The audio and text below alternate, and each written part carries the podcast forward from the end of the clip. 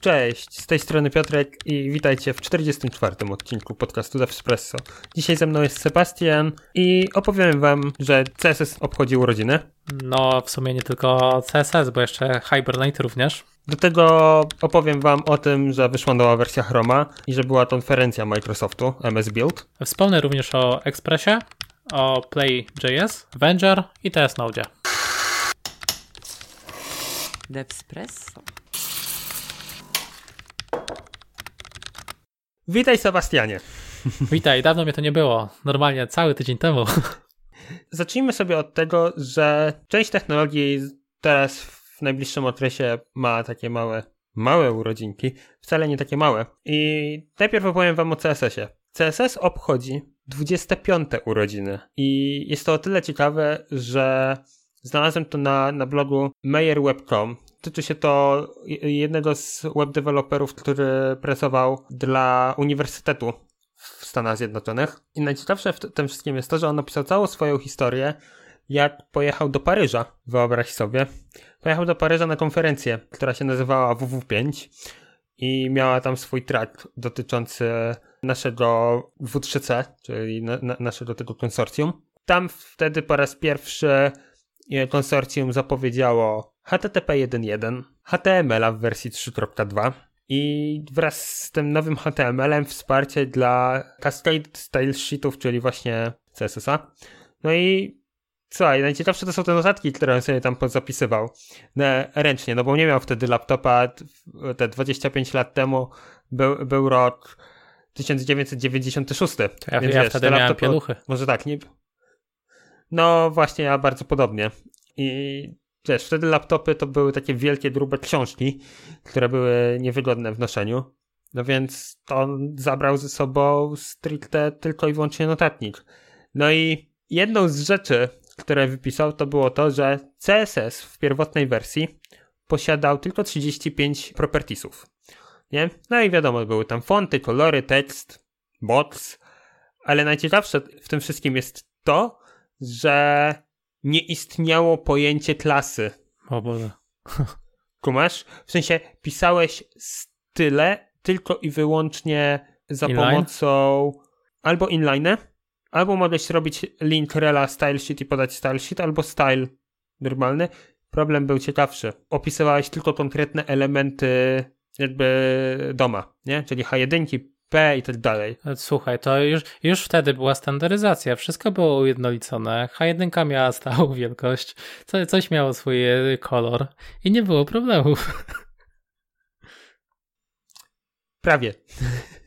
Prawie nie było problemów, bo wiesz, fajnie, że, że pokazują ci CSS-a w wersji pierwszej i, i, wiesz, pokazują ci prezentację, tu, tu działa, tam to działa, robią, ko- normalnie kodują ci na scenie, pokazują, pokazują ci, że zmieniają kolorki w batonie, nie? I ten webmaster, jak mówię, nie, nie, pamiętam jego nazwiska w tej chwili, ale pewnie Meyer, on opisywał, że też się podjarał, nie? Że to tak super działa i w ogóle wow, to jest na pewno przyszłość. Po czym wrócił do domu, siadł, wydrukował sobie dokumentację CSS-a, no i jezda była taka, że to nie działało.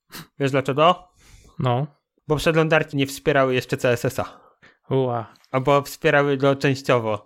To był ten moment w web developmentie, gdzie mieliśmy kilka przeglądarek i to tak różnych od siebie, że bardzo ciężko było wymagać jakiejkolwiek standaryzacji. To nie jest tak jak teraz mamy Chroma, Safari i Firefoxa, które robią mm, robią mniej więcej to samo, jakby niby implementują ECMAScripta w miarę ten standard próbują ujednolicać i implementować podobnie, i tylko są delikatne różnice. Nie, wtedy było zupełnie inaczej. Wtedy nie dość, że JavaScript pod spodem to były różne silniki i, i różnie były implementowane rzeczy, tak jeszcze każda przeglądarka inaczej ogarniała CSS-a. Tak totalnie inaczej. Tak, ja to, ja to tylko czytałem o tych czasach. Co, ale może już nie przeciągajmy nad taką historią, bo ja tu mam jeszcze jednego newsa a propos też urodzin, tylko trochę mniejszych, bo nie, nie wiem czy wiesz, nie wiem czy korzystałeś, ale Hibernate właśnie skończył 20 lat. Korzystałem z Hibernate'a. No właśnie. Dawno, dawno temu, jak jeszcze pisałem w Javie. A pierwszy, ale a tak. pierwszy release Hibernata wyszedł właśnie w 2001 roku, więc okrągła 20 rocznica. No może tylko wspomnę, że dla tych, co nie mieli okazji poznać, e, jest to jeden z bardziej takich popularnych frameworków javowych, który pomaga w realizacji warstwy dostępu do danych. No i zapowiada się tak naprawdę, że jest też, że to no tak naprawdę to nie jest koniec Hibernate'a, tylko jest świetlana przyszłość przed, e, przed nim, ponieważ jest on domyślny dla każdego projektu Spring Bootowego albo nawet w, w Karkusie. Więc cieka- ciekawe, jak dalej się to będzie rozwijało. Jestem ciekawy, czy w ogóle te aplikacje, znaczy aplikacje Javowe pewnie pozostają z nami na dłużej jeszcze. Tak, jak kobolowe. Tak, jak kobolowe, nie? I tylko Java ma, ma na szczęście tą, tą zaletę, że jest odpalana praktycznie na każdym systemie, prócz M1, to trzeba zaznaczyć, ARMy mają problem na razie z Java. To nie tylko M1 od, od Apple, ale to samo z tego, co czytałem, jest problem z armami na Windowsie, czyli w tym Surface Pro X to się nazywa. Co, ja to czytałem, że na pewno jest problem z performancem, bo jak akurat ja miałem problem z React Native'em i tam e, facet e, robił porównanie na DevTu bodajże, że odpalał e, projekt właśnie w Java 1.8, to na M1, która była e, właśnie odpalał na rozecie, e, odpalała się na rozecie ta Java, bo oczywiście M1 nie był w stanie. Teraz się pojawiła faktycznie jakaś biblioteka dostosowana, nie pamiętam jej nazwy, właśnie 1.8 do M1, ale jakie jest podsumowanie? Takie, że kompilowało się to o 50% wolniej od i7. Więc no zdecydowanie ta rozeta gdzieś tam mocno spowalnia. Ale sam fakt, że pozwoliła odpalić się z sukcesem, bo jako namiętny e, użytkownik M1 wiem, że nawet odpalenie Audacity przed naszym nagraniem może być nierealne na, na, na tym e, laptopie. No, ta M1 jakby Rosetta powinna rozwiązać wiele rzeczy, ale nie, nie rozwiązuje, jak widać. Więc tak, jakby Java pewnie pozostanie z nami na dłużej, tak jak wspominałem i wiele aplikacji będzie, będzie z, nim, z nią działać. Fajnie, że Hibernate ma urodziny i pewnie jeszcze długo, długo pobędzie, pobędzie w naszych, w naszych systemach. To przejdźmy do update'u przeglądarki. Jednej, jedynej. Słusznej. Przynajmniej, przynajmniej na tą chwilę. I słusznej dla niektórych. To Chrome 91. Czyli tak naprawdę część przeglądarek opartych o Chromium też się update'uje, w tym, w tym i Edge, o którym dzisiaj nie wspomnę. Widziałem, że, że jego update jakiś tam, jakiś tam wpadł i dużo rzeczy się pozmieniało, ale nie zdążyłem niestety, nie zdążyłem do, doczytać, co tam się dzieje i z tego co wiem, chyba ten Chrome, znaczy ten Edge w wersji 91 też część rzeczy implementuje z Chroma, więc fajnie będzie też i tutaj o tym wspomnieć. Więc tak, pierwsza podstawowa rzecz. Rozszerzają cały File System Access API, czyli to, co dostaliśmy w wersji 90, zdaje się, jak dobrze pamiętam, czyli dostęp do systemu plików w Chromie i mogliśmy sobie napisać aplikację, która normalnie otwierała tam ten file picker i mogliśmy sobie wybrać, gdzie chcemy coś wrzucić albo pobrać skądś więc mamy do tego dostęp, to teraz jest rozszerzona ta obsługa i możesz na przykład powiedzieć, że akceptujesz tylko i wyłącznie pliki TXT, do tego twój suggested name dla konkretnego pliku, jak będziesz go zachowywał, nazywa się axbc.txt.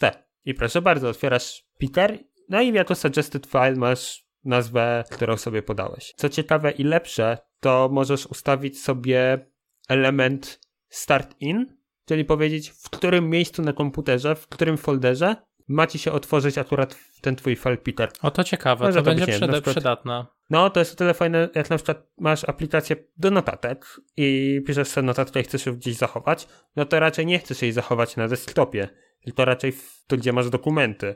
No więc podajesz start in documents i otwierają ci się dokumenty. Albo pomyśl, że masz jakiegoś no, słabszego użytkownika pod kątem użytkowania komputera, który będzie musiał, wiesz, w jakimś w zanestowanym drzewku znaleźć plik, bo załóżmy twoja aplikacja będzie tego wymagała. I jako, zazwyczaj no. jakby się to skończyło? No tak, że tak naprawdę taki użytkownik zadzwoni na infolinię, a helpdesk będzie tłumaczył, co, gdzie, jak dojść i znaleźć, nie? A teraz robi tylko otwórz i od razu masz predefiniowane miejsce. Dokładnie. Dokładnie tak. Więc to jest naprawdę fajne. Kolejna rzecz. Będzie można czytać pliki z clipboarda. Najciekawsze w tym wszystkim jest to, że czytanie splików w clipboardzie na WebKicie w Safari jest dostępne od 2018 roku. Właśnie miałem o to pytać, bo na co dzień z tego korzystam. No, to jest, to jest właśnie ciekawe, nie? Że Chrome dopiero teraz wprowadza możliwość czytania z, e, z clipboarda po prostu, z naszego schowka.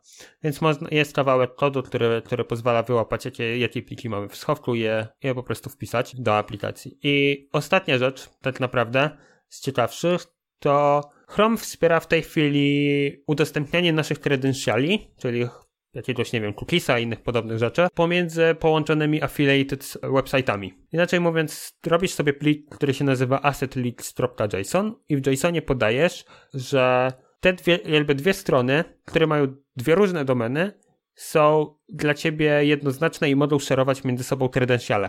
Okay. I ten plik wrzucasz do folderu .wellknown i Chrome sobie to rozpozna i wtedy jak przechodzisz między jednym a drugim website'em, to jeżeli jesteś już zalogowany, to automatycznie zaloguje cię na drugiej stronie, a jeżeli nie jesteś zalogowany, to jeżeli na przykład logujesz się zazwyczaj na domenie a.com, to na b.co.uk, jak wejdziesz sobie na, na, na tą drugą stronę jest powiązana, no to podpowie ci rzeczy z tego password managera dla a.com.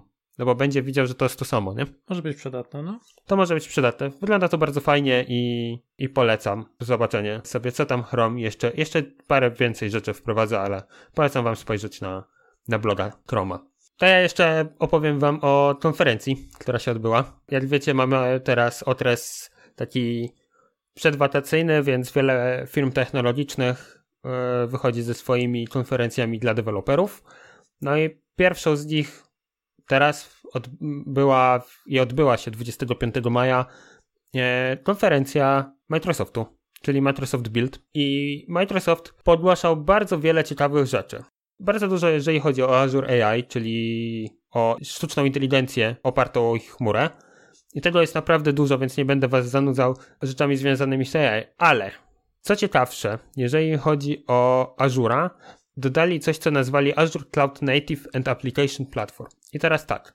Koncept jest taki, że od teraz, jeżeli ktokolwiek korzysta z Azura, to może mieć klaster kubernetesowy, swój własny, lub postawiony uwaga, na innej chmurze.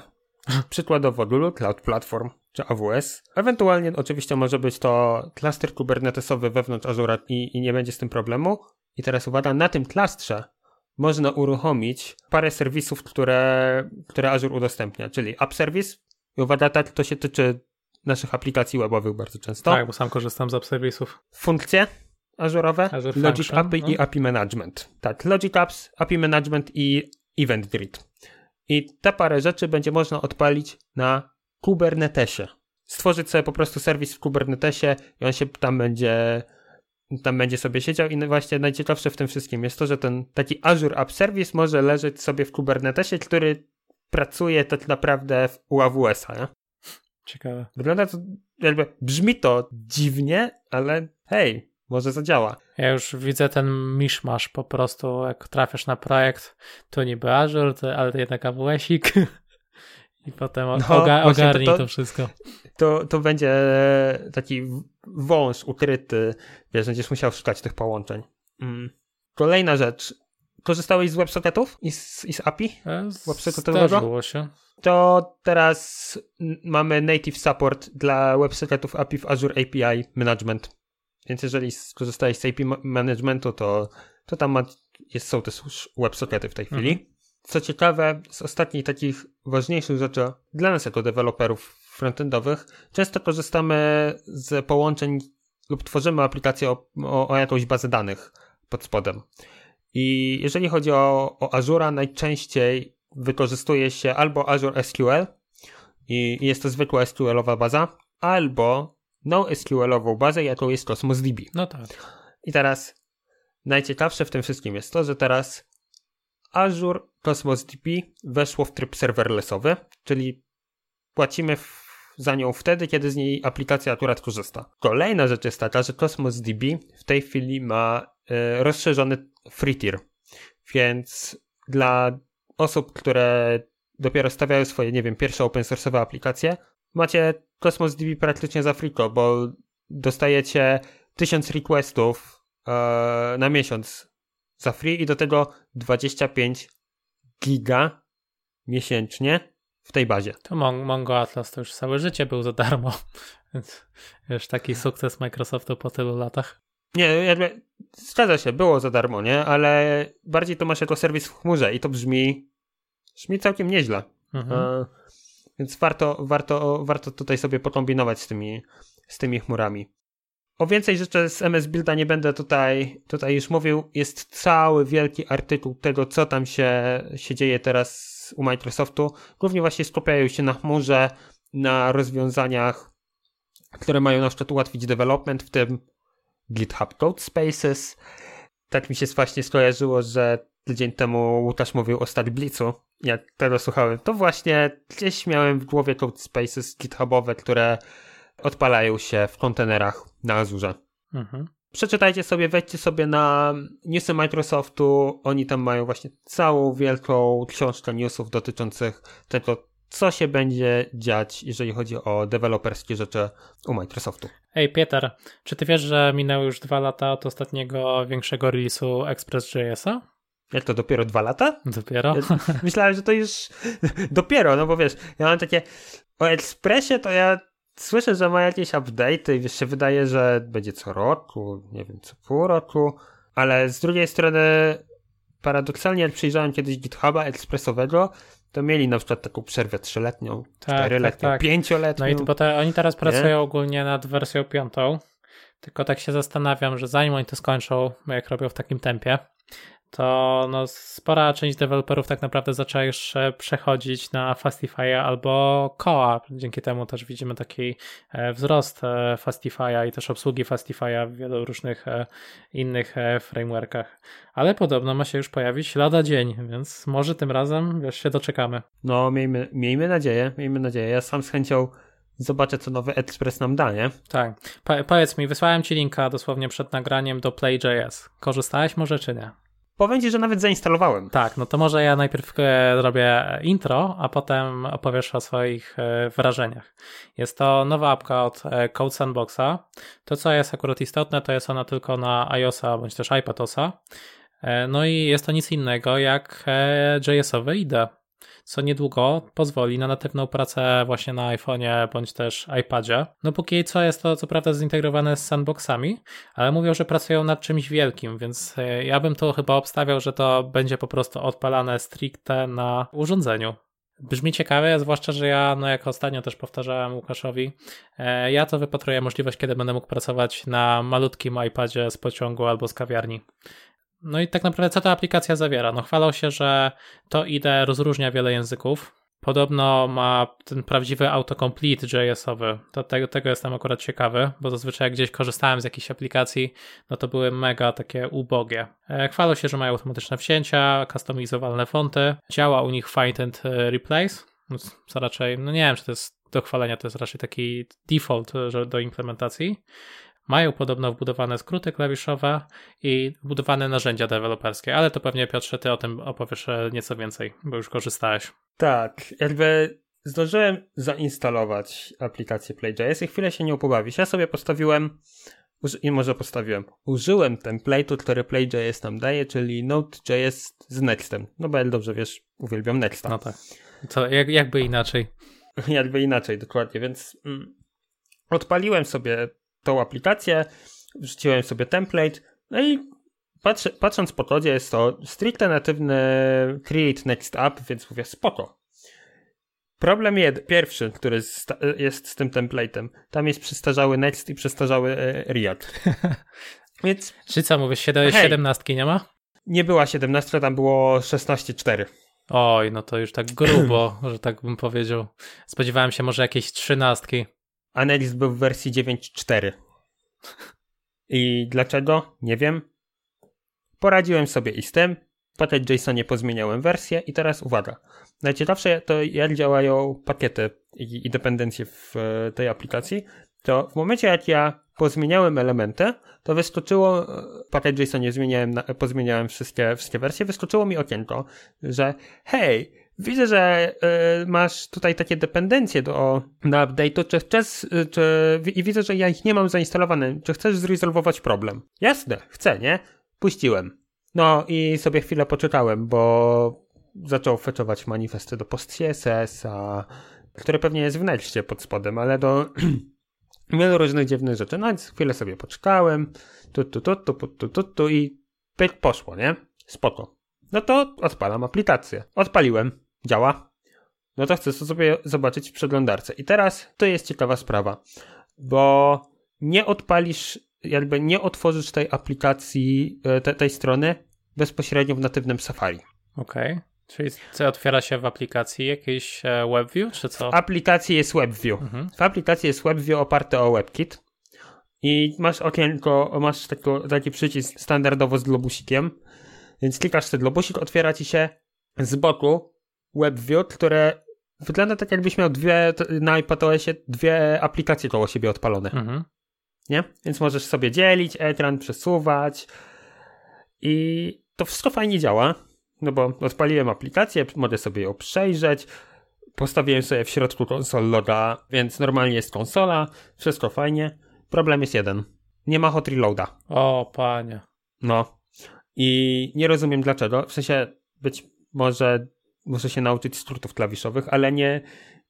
Dla mnie powinien być taki standard, że ja piszę coś i robię Command S, no to jest hot reload. No tak, ja tu no robię Command S i się nic na, nie dzieje. Na save, no tak. No to widać, że jeszcze muszą doprac dopracować co nieco. Tak, ale z ciekawszych rzeczy e, mają własny inspektor e, co, do, co do elementów doma, drzewa dom. No i pojawia ci się taka, klikasz sobie na odpowiedni tab do inspektu, no i jest napisane ładnie, ładnie, że przyciśnij dłużej na konkretny element na stronie, no to my ci go zinspektujemy. Spoko, nie? No to ja sobie klikam i nagle, uwaga, wyrenderowało mi się w 3D layery, tak, warstwy mojej aplikacji webowej mhm. i widzę normalnie oddzielnie jest pokazany cały content, który jest jakby inline'owy, nie? Oddzielnie jest ten, który jest, na, na, samej górze jest pokazany ten, który mam zaznaczony i wszystko później poniżej jest po, podkreślone. Akurat ten zaznaczony był u mnie najwyżej, nie? Ale przejechałem i zmieniłem e, inspekta, to się to mogłem zobaczyć, na którym poziomie leży moja ten mój element, który zaznaczyłem, który chcę, który chcę inspektować. Mhm. No i później możesz zmienić oczywiście taba i pokażę ci, który element ty właśnie zinspektowałeś i co się w nim dzieje. Okay. Bardzo fajne, bardzo mi się to podoba. To co, może zachęcimy tak naprawdę naszych słuchaczy, żeby przetestowali w wolnej chwili, bo ja tu mam jeszcze trochę newsów. Instalujcie, aplikacja jest super, zainstalujcie sobie to na, na iPadach, jeżeli posiadacie i, i wypróbujcie, czy da się pracować z JavaScriptem na iPadOSie i iOSie. Powiedz mi, a słyszałeś co nieco może o jakimś e-commerce na staku nodowym? Czy, bo nie wiem, nie wiem jak dla, dla ciebie, dla mnie zawsze jak mówimy e-commerce to głównie kojarzy się z PHP-em. Tak, z PHP ostatnio też z front, tylko, tylko uwaga, z Node może nie, ale z frontami JavaScriptowymi już prędzej. No tak, no to ja, ja mam No bo są te React, React e-commerce, Vue, Svelte e-commerce i Vue chyba jest teraz w tej chwili ma, ma bardzo du dużą bibliotekę związaną z e-commerce. Chyba wiesz co, nawet mówiliśmy parę odcinków temu, bo coś tak e, kojarzę. A jak ci powiem, że jest e-commerce, który jest oparty na Node, TypeScriptie i GraphQL-u? I'm interested. Tak, no to jeśli dobrze czy... Tak ci odpowiem. Tak, no to jeśli dobrze wymówię tą nazwę, bo jest dla mnie taka trochę trudna, Venger się nazywa, pewnie od vendorów, to jest właśnie ten framework, dzięki któremu można budować e, e-commerce w Node. Czyli jak wspomniałem, to co jest istotne, TypeScript, GraphQL i Node. I co ciekawe, zajęło im to aż 3 lata, żeby wypuścić stabilną wersję, więc e, zakładam, że albo osoba była sama, jak to tworzyła, albo faktycznie może jest już to tyle dopracowane, że zajęło to te, no, taki długi okres czasu, jakby nie patrzeć. Nie, no kurde, strasznie długo im to tak, zajęło. no i to co, to, co porównują, bo tam od razu jak wchodzi się na tą stronę, to e, jest porównanie do innych graczy i tam wiadomo, wymieniony Shopify i tak dalej, e, no to właśnie te, zaletą według nich jest właśnie to, to, że to TypeScript Node, poza tym, że jest headless, no i cokolwiek to znaczy, bo nie rozkminiłem tego chodząc po tej dokumentacji, podobno ma świetny experience dla dewelopera. Może ty, Piotrze, to zinterpretujesz hmm. lepiej.